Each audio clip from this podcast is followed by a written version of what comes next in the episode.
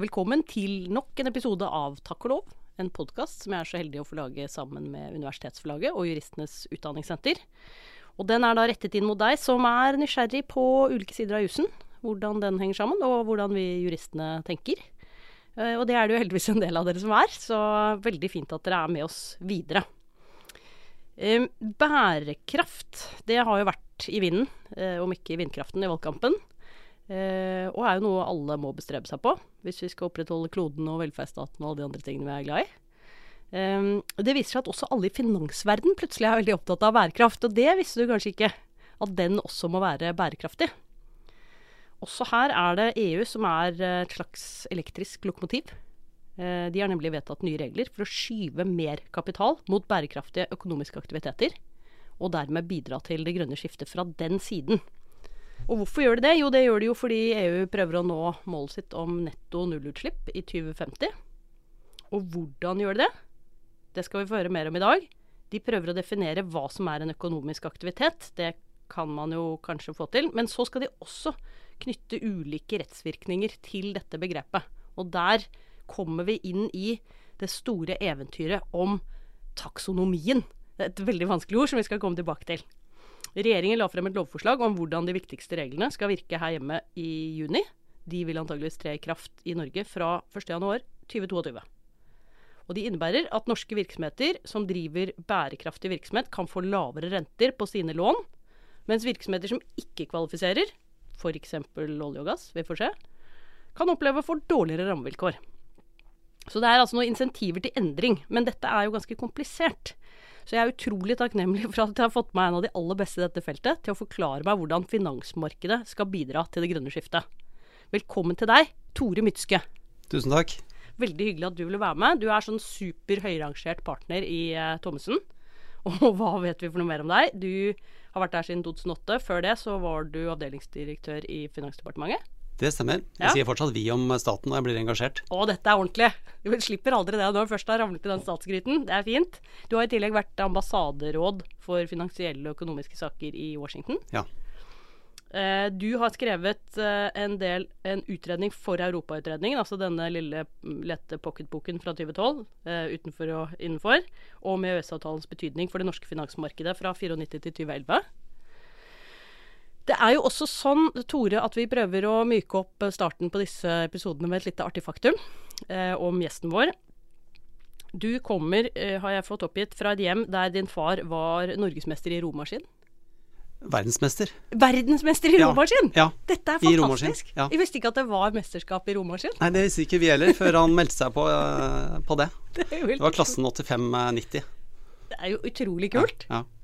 Dette var kjent for familien at han holdt på med det? Det var ikke noe han holdt med i skjul? Eller? Nei da, han, Nei. han, kom tidlig ut av det skapet. Ja, han rodde seg, ja. fossrodde ut av skapet. Det er veldig bra. Du, eh, det var mange artige fakta her, fordi du har mange som er glad i deg og har observert mange morsomme ting. Du hadde et førstegangstjeneste som var et stykke unna Herman Flesvig også? Det stemmer. Det stemmer. Jeg var på Nato-kvarteret i Brussel. Nettopp. Og en sånn eh, VIP-sjåfør førstegangstjeneste? Ja, antiterrorsjåfør. Hvordan er det, det prøvde jeg å tenke på da jeg leste det. For antiterrorsjåfør, betyr det at du kjører veldig jevnt, så det ikke er noe frykt for de som sitter i baksetet?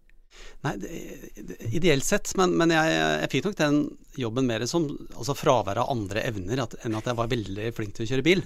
Veldig god på antiterror? ja, nei, det var mer Det var mye tilfeldigheter. Jeg vet ikke hvor trygge de egentlig følte seg. Eller det, det hadde jeg heller ingen, ingen grunn til, egentlig. Men det skjedde, de hadde ingen grunn til Men det visste de ikke, heldigvis. Nei, det visste ikke. Jeg var 19 år og hadde ikke kjørt på motorvei før. Dette er så bra. Hva man ikke vet, har man ikke vondt av. Du er veldig miljøvennlig og bærekraftig i hverdagen, selvfølgelig. Eh, sånn sett er du utrolig progressiv. Passer inn med alt det våke som foregår. Men ja, vi har også fått oppgitt et lite siste faktum her, og det er at du bruker tropehjelm når du er ute og reiser. Er det Det høres litt kolonialt ut. Hvordan henger ja, dette sammen? Den eh, Da må jeg tenke meg litt om. Ja, nei, det, det var nok også i min mer dekadente eh, fortid når jeg var i eh, jeg hadde foreldre som bodde i Afrika, og jeg ble invitert ned for å besøke dem. Da var jeg i, i militæret i Brussel, og da måtte jeg innom dette er veldig lite politisk korrekt. Jeg måtte innom Kongo Shop i Brussel og kjøpe, kjøpe utstyr den, den turen. Og da ble det en, en skikkelig safarihjelm, ja. Jeg har ikke brukt den så veldig mye etter det, altså. Vi skal ikke henge deg ut som politisk ukorrekt. Det Takk. er så politisk korrekt det du jobber med, sånn at jeg tror du har veiet opp for alle disse ungdomssyndene. Dette går bra. Ok, vi skal gå over til dagens tema. EUs regelverk for bærekraftig finans. Hva er bærekraftig virksomhet, og hvorfor betyr det noe? Bare starte med Det er jo alltid litt nysgjerrig på hvordan folk havner inn i disse utrolig komplekse feltene. Eh, Hva var det som gjorde at du eh, havnet oppi dette her? Vel, altså jeg ehm, eh, Først og fremst så hadde jeg egentlig en, eh, på studiet en veldig interesse for miljørett. Det var jo miljøadvokat jeg hadde tenkt jeg skulle bli, og, og eh, søkte på jobb i Miljødepartementet. Eller jeg så etter jobb der, men de hadde ingen ledige stillinger, så jeg endte opp i Finansdepartementet, i finansmarkedsavdelingen. eh, hvor jeg ble i tolv år eh, og hadde det veldig fint. Eh, lærte masse, veldig flinke folk. Um, men så begynte jeg da i advokatvirksomhet og jobbet egentlig mye med det samme. Og, og det jeg driver med er vel egentlig i bunn og grunn offentlig regulering av finansmarkedet. Altså reglene om hvordan finansmarkedet og aktørene i det markedet skal oppføre seg. Um, det er um, alt fra regulering av bank og forsikringsselskaper og verdipapirforetak og forvaltere av andres penger.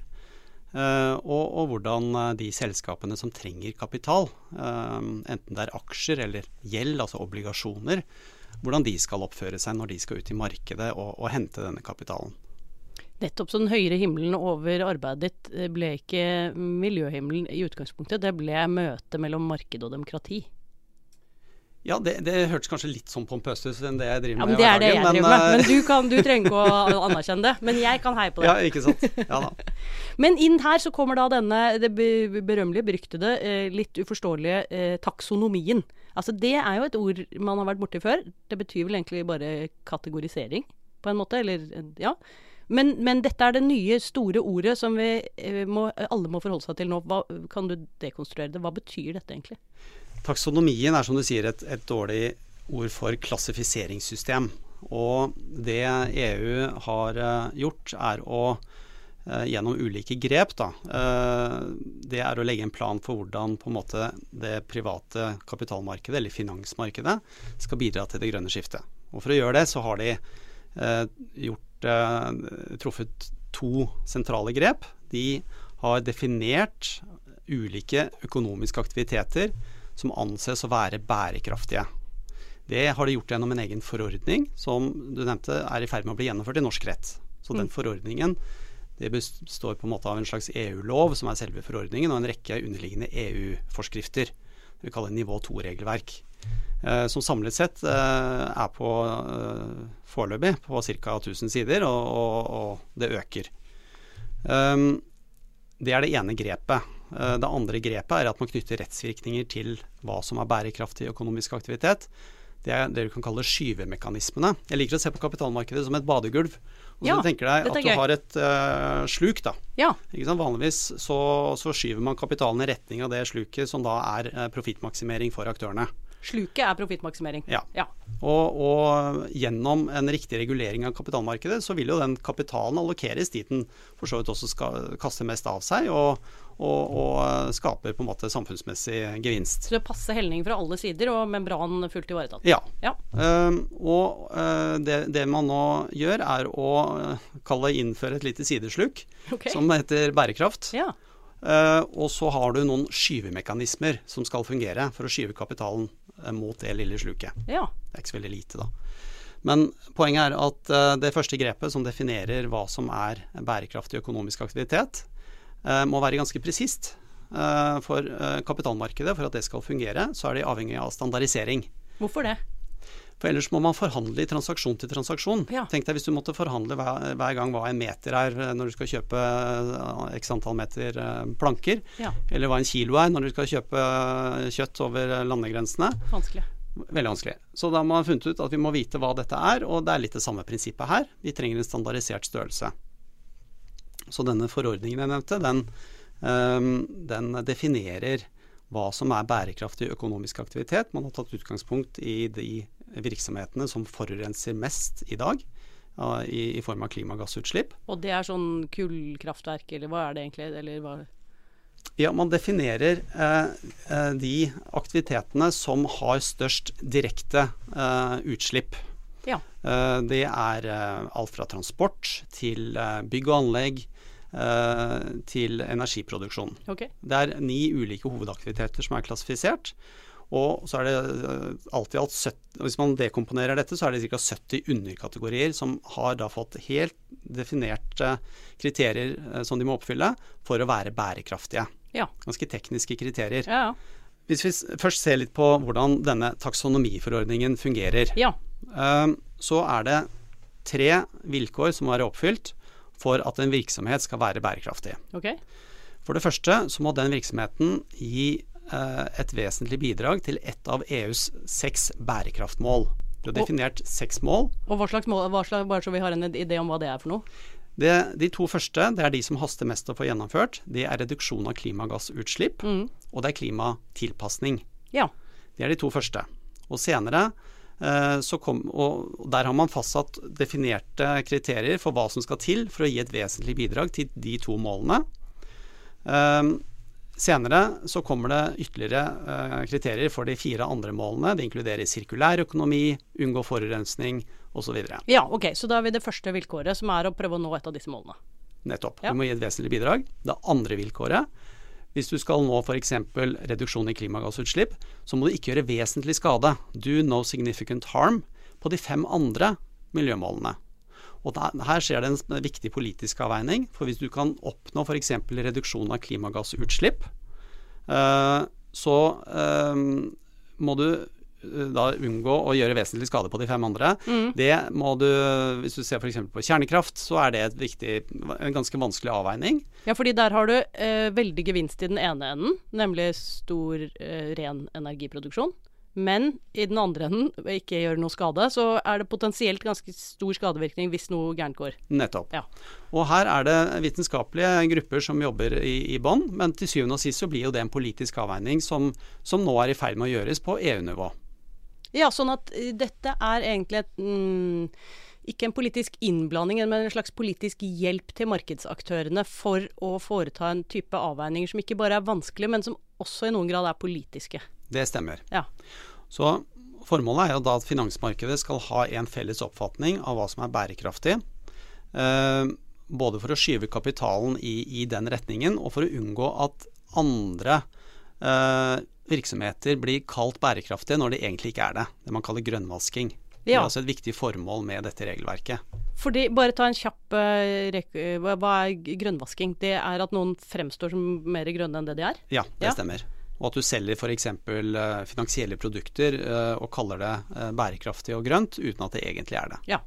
Og det er vanskelig for både markedsaktørene og forbrukerne egentlig å bedømme dette her. Det stemmer. Ja. Så taksonomien er ment som en hjelp til å, å lage en felles eh, målestokk for hva som er bærekraftig. Ja. Liksom blitt sammenlignet med det, det, det metriske systemet for det 21. århundre. Ok, så det er først hjulet, så er det meteren, så er det taksonomien. Ikke sant. Dette er jo okay, Nå Ja. fikk jeg et litt hyggeligere forhold til taksonomien. Jeg syns den var litt skummel i starten, men eh, det, jeg begynner å like den bedre. Um, det var to av de tre gruppene vilkår?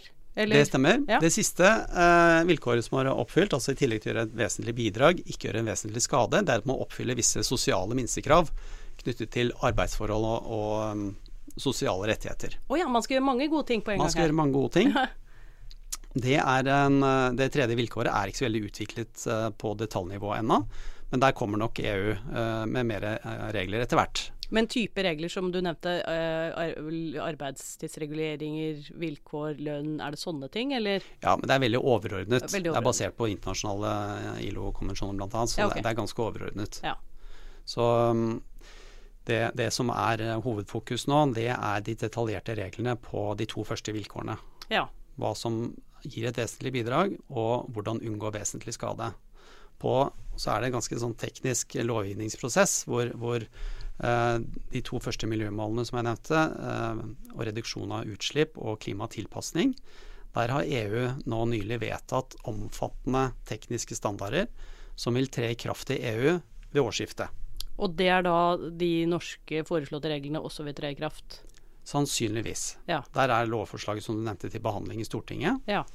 Um, det som er um, litt um, vanskelig med taksonomien, er at den er veldig binær.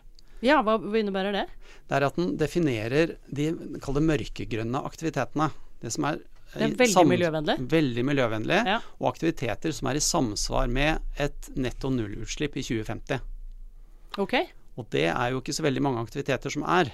Å nei, så det så kan de være ganske enten- mange grønne aktiviteter som er litt mer lysegrønne. Ja. De er ikke grønne nok. Nei, du har Fifty Shades of Green, og så er det bare den aller grønneste som får være med. Nettopp. Ja. Sånn at hvis du driver et brunkullkraftverk, eh, eller du driver en eh, IT-virksomhet og egentlig ikke slipper ut så mye, da. Men det er to Eller veldig ulike Ja. Veldig forskjellig. ja. Men i taksonomisammenheng så er de på en måte like ille. Hvorfor det? Fordi vi, vi, faller utenfor det mørkegrønne oh, sånn, ja. Ja, eh, sluket. Ja. Og, og, og da eh, får du på en måte ikke noe gevinst da, hvis du ønsker å bevege deg fra, fra det mørkebrune Nei. mot det nøytrale. Nettopp. Eller eh, til og med inn i det lysegrønne. Hvis du ikke når målet om det mørkegrønne. Nei, er det Ok, så det du tenker er at um mm, du får ikke noe insentivering. Alle de skyvekreftene som skulle skyve ned i det riktige sluket, de virker ikke på de alle ø, sjatteringene av grønt som ikke er mørkegrønt. I dag så er det sånn. Og det er en kritikk mot taksonomien. Og, så, men det er jo en interessant kritikk, for det, av og til så tenker vi at kritikken, og det høres ut som det er slik her, eh, siden det er et veldig teknisk regelverk, så blir det lite handlingsrom for nasjonalstatene. Så lite sjølråderett igjen. Veldig sånn EU-regulert. Men det du egentlig sier, er at det burde vært mye mer som Ja, var og- og- omfattet av reguleringen. Ja, absolutt. Og, og, og, men dette er nå på vei. Altså, dette, er noe, dette er en kritikk, men jeg, jeg syns kanskje den er litt på siden. Fordi EU har vært veldig tydelig på at her haster det. Ja, må noe. Vi må, løpe, vi må begynne å løpe nå, Ja. og så må vi fikse dette underveis. Ja. Dette er en problemstilling de har sett. Og i sommer så kom det et forslag fra en arbeidsgruppe som, som hjelper kommisjonen med dette, om å utvide taksonomien. Ja. Sånn at vi får en eh, taksonomi ikke bare for det mørkegrønne, men også for det skadelige og det nøytrale. ja, sånn ja. Mm, Så det blir et enda mer omfattende rapporteringsregelverk eh, fremover. ja. Og i løpet av første halvår 22 så kommer, eh, så har kommisjonen sagt at da kommer det en utvidelse av taksonomien. Hvordan er dette bare for meg som ikke holder på med finansmarkedene? Når går vinningen opp i spinningen når det blir så veldig detaljerte reguleringer Ja, her? da? Det er et godt spørsmål. Vi er jo avhengig, tenker jeg da, i hvert fall, av denne maskinen som eh, surrer og går, som heter kapitalmarkedet, og at den får drive mest mulig effektivt. Ja. Um, samtidig så skal jo kapitalmarkedet fungere i et eh, samfunn.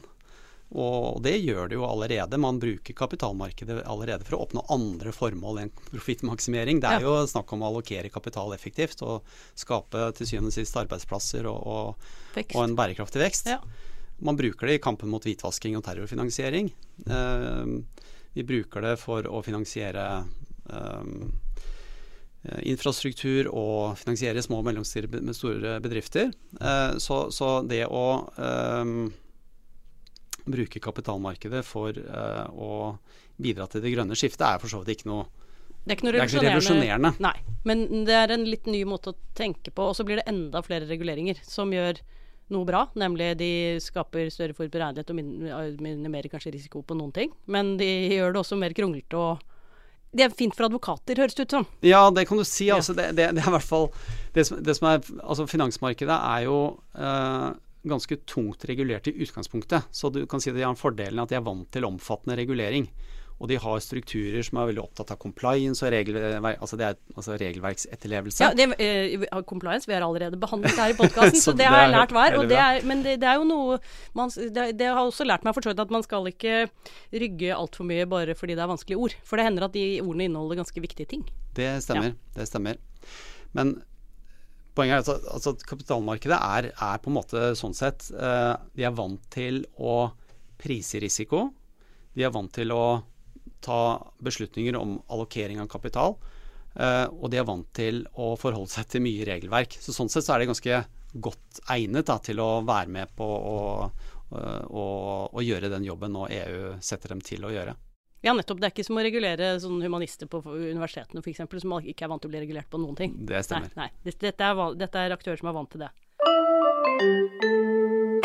Takk og lov for Tore, som kan hjelpe oss gjennom taksonomien i bestemt form entall. Eh, som jo er litt uvant for eh, oss, ja, oss jurister som ikke holder på med akkurat det, og i hvert fall alle ikke-jurister, som tenker på at taksonomi kanskje bare rett og slett er en kategorisering. Ja. Um, Og grønne obligasjoner, som i hvert fall ikke jeg hadde satt meg veldig mye inn i eh, før jeg begynte å tenke på dette før episoden, og før jeg fikk Mm. snakket med Tore, og sitter og tenker på nå. Hvis jeg skulle eh, fordype meg litt mer i dette her, hvor, hva slags eh, kurs burde jeg gå på da, Torbjørn? Da ville jeg anbefale enhver om å gå Ikke bare meg. Ikke bare deg. Karoline. For det blir litt få på det kurset Ja, da. hvis du har lyst til å gå på Finansdagen, så er dette et av temaene. Det er den 28. september i år. Som sagt, du kan følge det på livestream, du kan ta et opptak, eller du kan være der live. Og så børsdagsdagene. Ja. Også, det er et aktuelt tema der. Og det er siste mandag i måneden i januar 22. Det vil si, vi er ikke helt sikre på akkurat datoen, Nei. men hold av hele uken for å være sikker. ja, for sikkerhets skyld. Dette, er jo, det, det, dette er jo viktig, ikke sant. For det er jo, som vi har snakket om, at uh, taksonomien er jo det nye GDPR Ja. og compliance. Det blir På mye, en gang. blir Altså, mye det- jobb til juristene fremover, har jeg på følelsen. Vi lager jo denne type systemer. Ikke bare for oss selv, må sies. da. Det er jo for at samfunnet skal bli bedre, faktisk. Men eh, dette må vi kunne noe mer om. Hvor skal vi lese, Sturla? Ja, nei, altså jeg er helt enig. Og jeg, når Torbjørn sier at du bør holde deg en uke, så, så sier jeg ja, gjør det. Fordi Fordi resten Gå- av dagene kan du bruke til å lese, si. det er nettopp det. ikke sant? At dette trengs det litt tid for å egentlig sette seg inn i, for her er det mye som er nytt. Og da går du inn på Juridika, eh, for her er vi Her vil jeg si universitetsforlaget med Juridika er langt fremme. Vi har akkurat utgitt en bok som heter 'Klimarett. Internasjonal, europeisk og norsk klimarett mot 2030'. eh, Hvor Hans Christian Bugge er eh, redaktør. Eh, For et eh, korps med forfattere som virkelig liksom beskriver alt det nye som skjer. For det er mye nytt som skjer. Dette er den nye en- klimabibelen på juridisk side, rett og slett. ja, den er den første boken som setter ord på klimarett som et rettsområde. Det er jo ting fra valget vi nettopp har vært gjennom som tyder på at dette kan være nyttig Mm. lesning for noen hver. Nei, vi kan absolutt anbefale. Gå inn på Juridika og les, eh, les deg opp. Eh, og så kan jeg også si at eh, vi jobber med en, en kommentar, en lovkommentar til EUs taksonomi når den kommer for fullt. Og den er skrevet av Petter Hammerich og Daniel Nesse og kommer neste år. Bare å glede seg til den. Helt klart. Takk og lov for disse påfyllene. Veldig glad for at dere blir med. For de som blir nysgjerrig på det Tore har diskutert, de kan fordype seg i kurs og i bøker. Yes. Takk for det. Litt tilbake til hva som er bærekraftig. Den definisjonen høres ut som den er litt kjernepunkt her. Ja, altså vi har um, tre sentrale vilkår som var oppfylt. Ja. Må gi dette vesentlig bidrag, ikke gjøre vesentlig skade, og bidra å oppfylle visse sosiale minstestandarder. Og innenfor um, f.eks. Uh, bygg og eiendom, eh, skal du sette opp et nytt eh, næringsbygg, så har man kategorisert hva som er bærekraftig og hva som ikke er det. Og Da stilles det veldig detaljerte krav til eh, hva slags eh, energiforbruk det bygget kan ha. Og det stilles også krav til f.eks. gjenbruk av materialer. Og eh, Det er da kun bygg som oppfyller disse veldig strenge kriteriene, eh, som i Norge vil være ganske få bygg som anses å være bærekraftige etter taksonomien. Men da vil de eh, kunne klassifiseres som bærekraftige og eh, trigge disse skyvemekanismene for å måtte bidra til at finansieringen av det bygget kan bli rimeligere enn det det ellers hadde vært. Ok, ja, men det, det skjønner jeg. Hvordan har dette vært, blitt mottatt så langt i Norge, da? Denne, eh, for er, her, er det, her er vi en klassisk sånn situasjon med EU-lokomotivet som går foran og hjelper oss i riktig retning, men på en måte som innebærer egentlig ganske mye tilpasning og sikkert eh, krongel og vanskeligheter for mange aktører.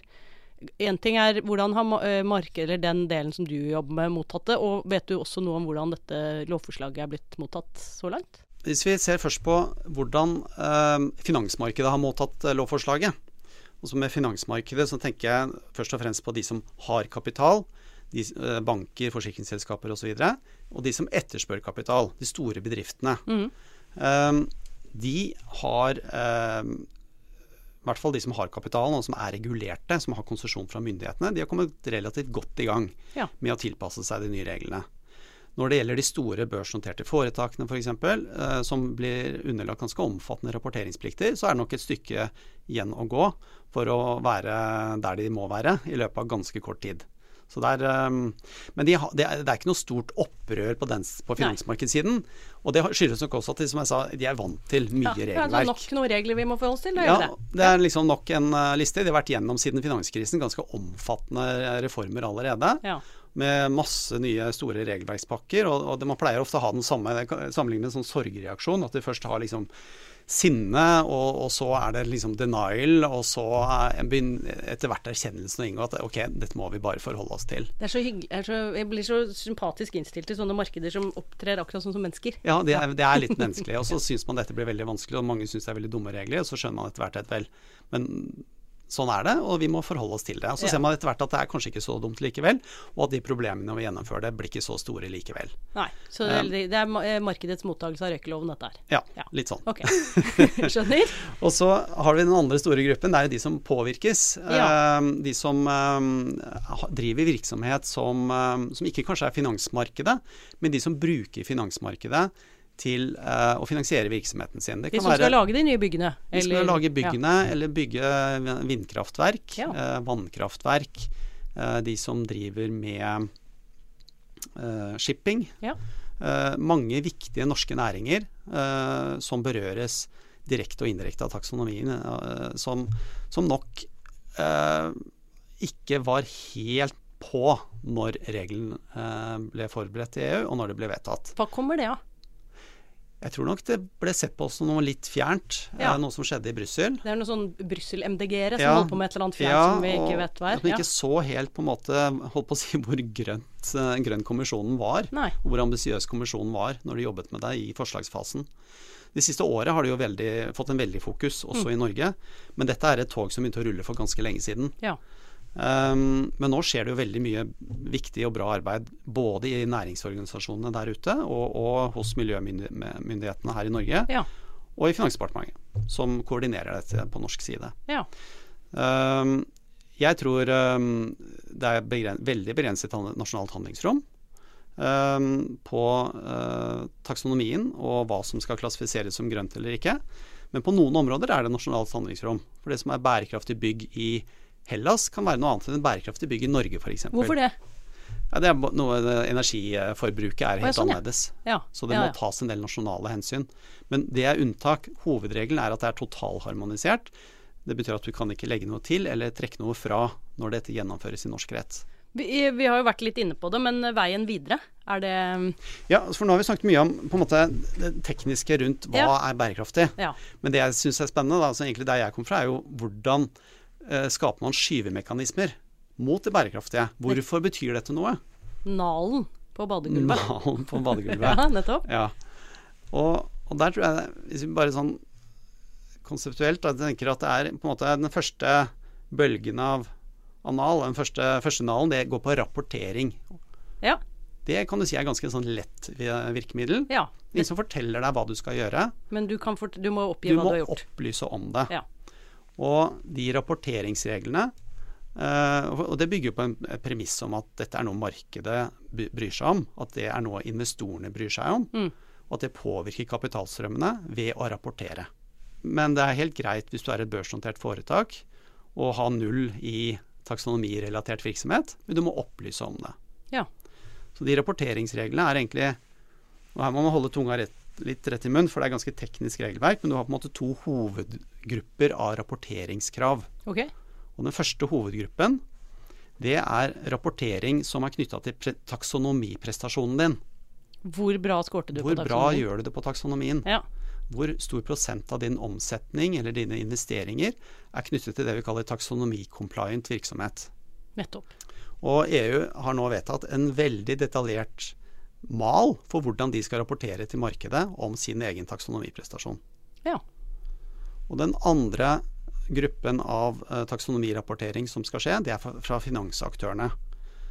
Og f.eks. en bank, eh, de må nå, eh, når disse EU-reglene trer i kraft, lage en De må rapportere på sin eh, Green Asset Ratio, eller GAR som det heter på sammespråket. Ikke Støre, bare GAR. Bare ja, GAR. Green Asset Ratio, ja. Hvor, ja, nettopp. Hvis du tenker litt matematisk, da, så har du en teller som er taksonomi-compliant uh, finansiering, altså lån til f.eks. vindkraftverk som er taksonomi-compliant. Ja.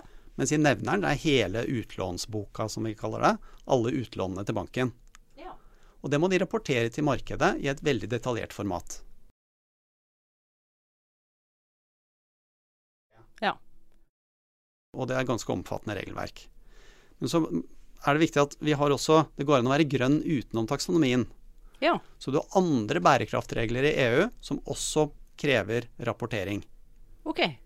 Hvordan øh, hva, Forklar kort det. Ja, det, det er regelverk som, og, og, og, som også gjelder de store børsnoterte. Ja. Men det kommer mer fra regnskapssiden. Um, som krever en rapportering på to fronter. Ja. Og det første er en rapportering på hvordan verden der ute, klimaendringene, påvirker virksomheten din. Ja. Det er relevant for Ja, sånn, investor. Hvordan ser denne forretningsmodellen ut Nettopp. i en verden som enten når klimamålet sitt, på halvang, altså Ja. eh, når, Parisavtalen, Eller eller ikke. Det må du rapportere på under ulike scenarioer. ja. Det er det ene perspektivet. Det du kan kalle utenfra og inn-perspektivet. Nettopp. Men så har du også en rapporteringsplikt på hvordan påvirker min virksomhet verden der ute. Innenfra og ut. Det må du også rapportere på, som et stort foretak. Ja. Og den samme todelingen har man EU nylig vedtatt i et nytt direktiv eller en forordning som gjelder for kapitaleiere. De må rapportere på hvordan påvirker mine, eh, påvirkes mine investeringer, som jeg har gjort på vegne av investorer, av verden der ute og klimaendringene. Og hvordan, er det min, min, hvordan påvirker mine investeringsbeslutninger verden der ute. Nettopp. Men um, dette er noe Dette er videre enn taksonomirapportering. Ja, ok. Så, så det er egentlig annen bærekraftrapportering. Ja. Men uh, det viser bare at EU skyver nå veldig bredt uh, av gårde på, Ja. på uh, dette rapporteringsverktøyet som en nal. Ja. Men det, det jeg tror, da, det er at neste bølge av verktøy kommer til å bruke kraftigere lut mot finansmarkedet Enn bare rapportering. enn bare rapportering. Hva slags lut blir det? For nå har vi vært sånn eh, Denne varen eh, har fått på seg en sånn deklarasjon. Dette inneholder den av vitaminer for det grønne skiftet. Ja. Ikke sant? Mens nå er du til på harde lut. Nå må vi eh, Ja. nærmere ordentlig eh, litt, litt uh, tøffere krav. Så, så det som er på menylisten til EU, det er en ganske bred, bred menyliste. Jeg tror ikke man har gått gjennom den jobben med å lage så omfattende klassifiseringsverktøy. Da tror jeg ikke man stopper med rapportering. Nei. Hva gjør man da? I tillegg Da- til rapportering? Det første grepet som allerede er vedtatt, det er å lage en egen et eget produkt da, som er beskyttet tittel, som vi sier, som er en EU-grønn obligasjon. Okay. Så hvis du skal hente kapital til et uh, prosjekt, og du utsteder en obligasjon, eller tar opp et lån, som det egentlig gjør, i markedet, og du skal kalle det for en EU-grønn obligasjon, Så må du så må, virks, krav. så må Ja. inntektene fra den obligasjonen gå til taksonomi-compliant virksomhet. Ja, sånn ja. Uh, Så kan du utstede en vanlig grønn obligasjon, eller, for det er ikke beskyttet, og gå utenom de reglene. Hvis eh, investorene sier at vi vil gjerne ha la oss si 10% av vår portefølje skal være i EU-grønne obligasjoner, så vil det jo skape et insentiv Ja, ja. for å lage sånne obligasjoner. Og tanken er jo da at markedet etter hvert vil prise de lånene eh, lavere, sånn at det blir en billigere finansiering, da. Ja, for, akkurat. Du får en slags gullstandard Nettopp. for en grønn obligasjon. En, Ja. eh, en ekeløv-obligasjon av noe slag. Nettopp. Okay. nettopp. Så det er et eh, annet verktøy. Ja. Det som EU har sagt man skal vurdere i 2023, som jeg tror kan bli veldig sentralt, det er om man skal knytte såkalte kapitalkrav til eh, klassifiseringen som bærekraftig eller ikke bærekraftig. Og Ja. det, det er litt viktig. Hvordan eh, fungerer det? både banker og forsikringsselskaper det er noen av de største kapitaleierne vi har. Mm. Og de allokerer kapital, de fordeler kapital ut fra hva som er lønnsomt. Ja. Og hvis du gir et eh, uh, lån uh, fra en bank til en eh, bedrift, så vanligvis så, så må banken holde igjen noe egenkapital av sine egne penger når den gir det lånet. Du kan ikke bare ta 100 kroner inn fra innskyterne og låne ut de 100 kronene og tjene penger hvis det går bra, og ikke, tape, Nei, nei. og, og ikke ta noe tap hvis det går dårlig. Nei? Du må ha litt sånn skin in the game. Ja. Det er kapitalkrav. Og eh, hvor mye skin in the game du må ha, defineres av hvor mye risiko det er i det lånet. Ja. Så vanligvis så må en bank holde ca. si 20 da, av lånet i egenkapital. Mm. Så eh, hvis jeg låner ut 100 kroner til deg, så må jeg holde, eh, ta 80 funde med Ja. innskudd og 20 selv. Ehm, da ehm, har EU et ganske innfløkt system for å risikokategorisere disse utlånene. Okay.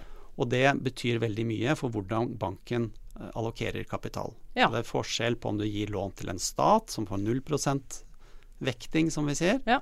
eller til et eh, spekulativt eh, fond hvor du må vekte det 150% eller andre høyrisikoengasjementer, som vi sier. Ja. Så er det stort spekter der i risiko.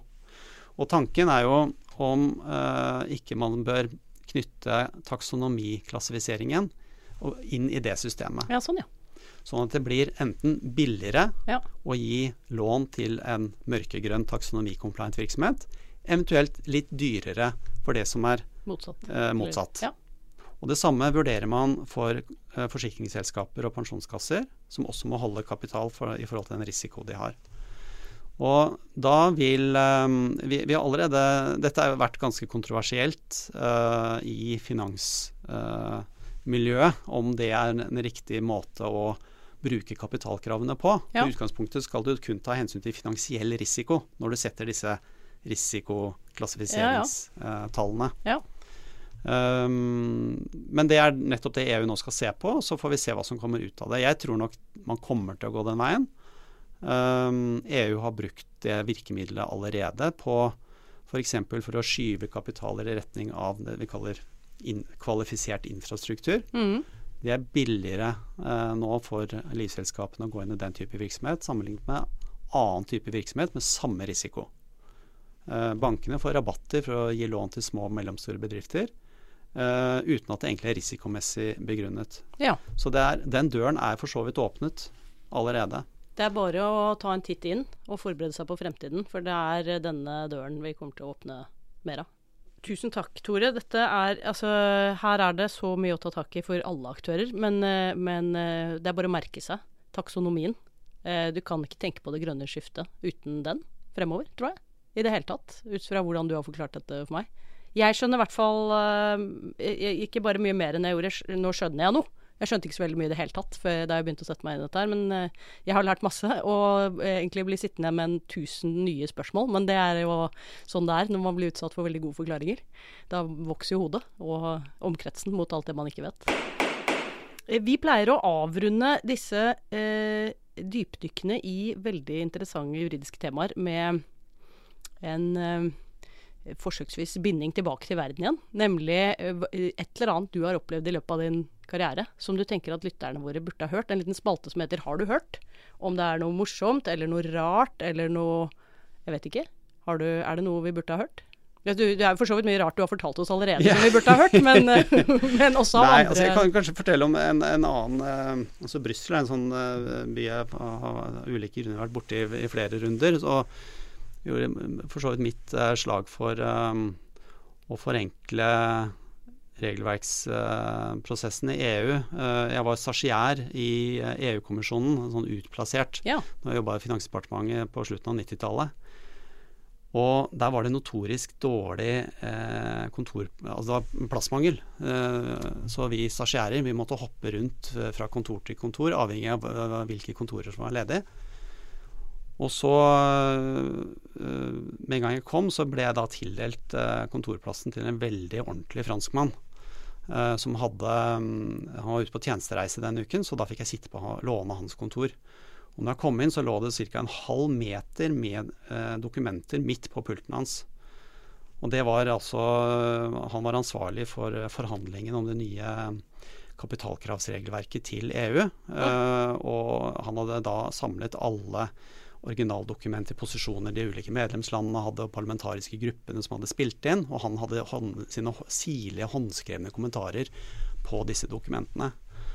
Og um, dette var jo før digitalisering, så det var, det var originaldokumenter, og det var de som fantes. Um, så jeg tenkte nå må jeg være veldig forsiktig, så jeg, jeg la de veldig pent til side i en sånn, eh, sånn kassett, som, som det heter, sånn eh, plasttrau eh, på siden av pulten. Eh, det sto et par stykker der. Jeg tenkte ikke så veldig på hvilken jeg la den i, men jeg la den i den røde. Um, og så kom jeg tilbake på kontoret morgenen etter, så var den tom.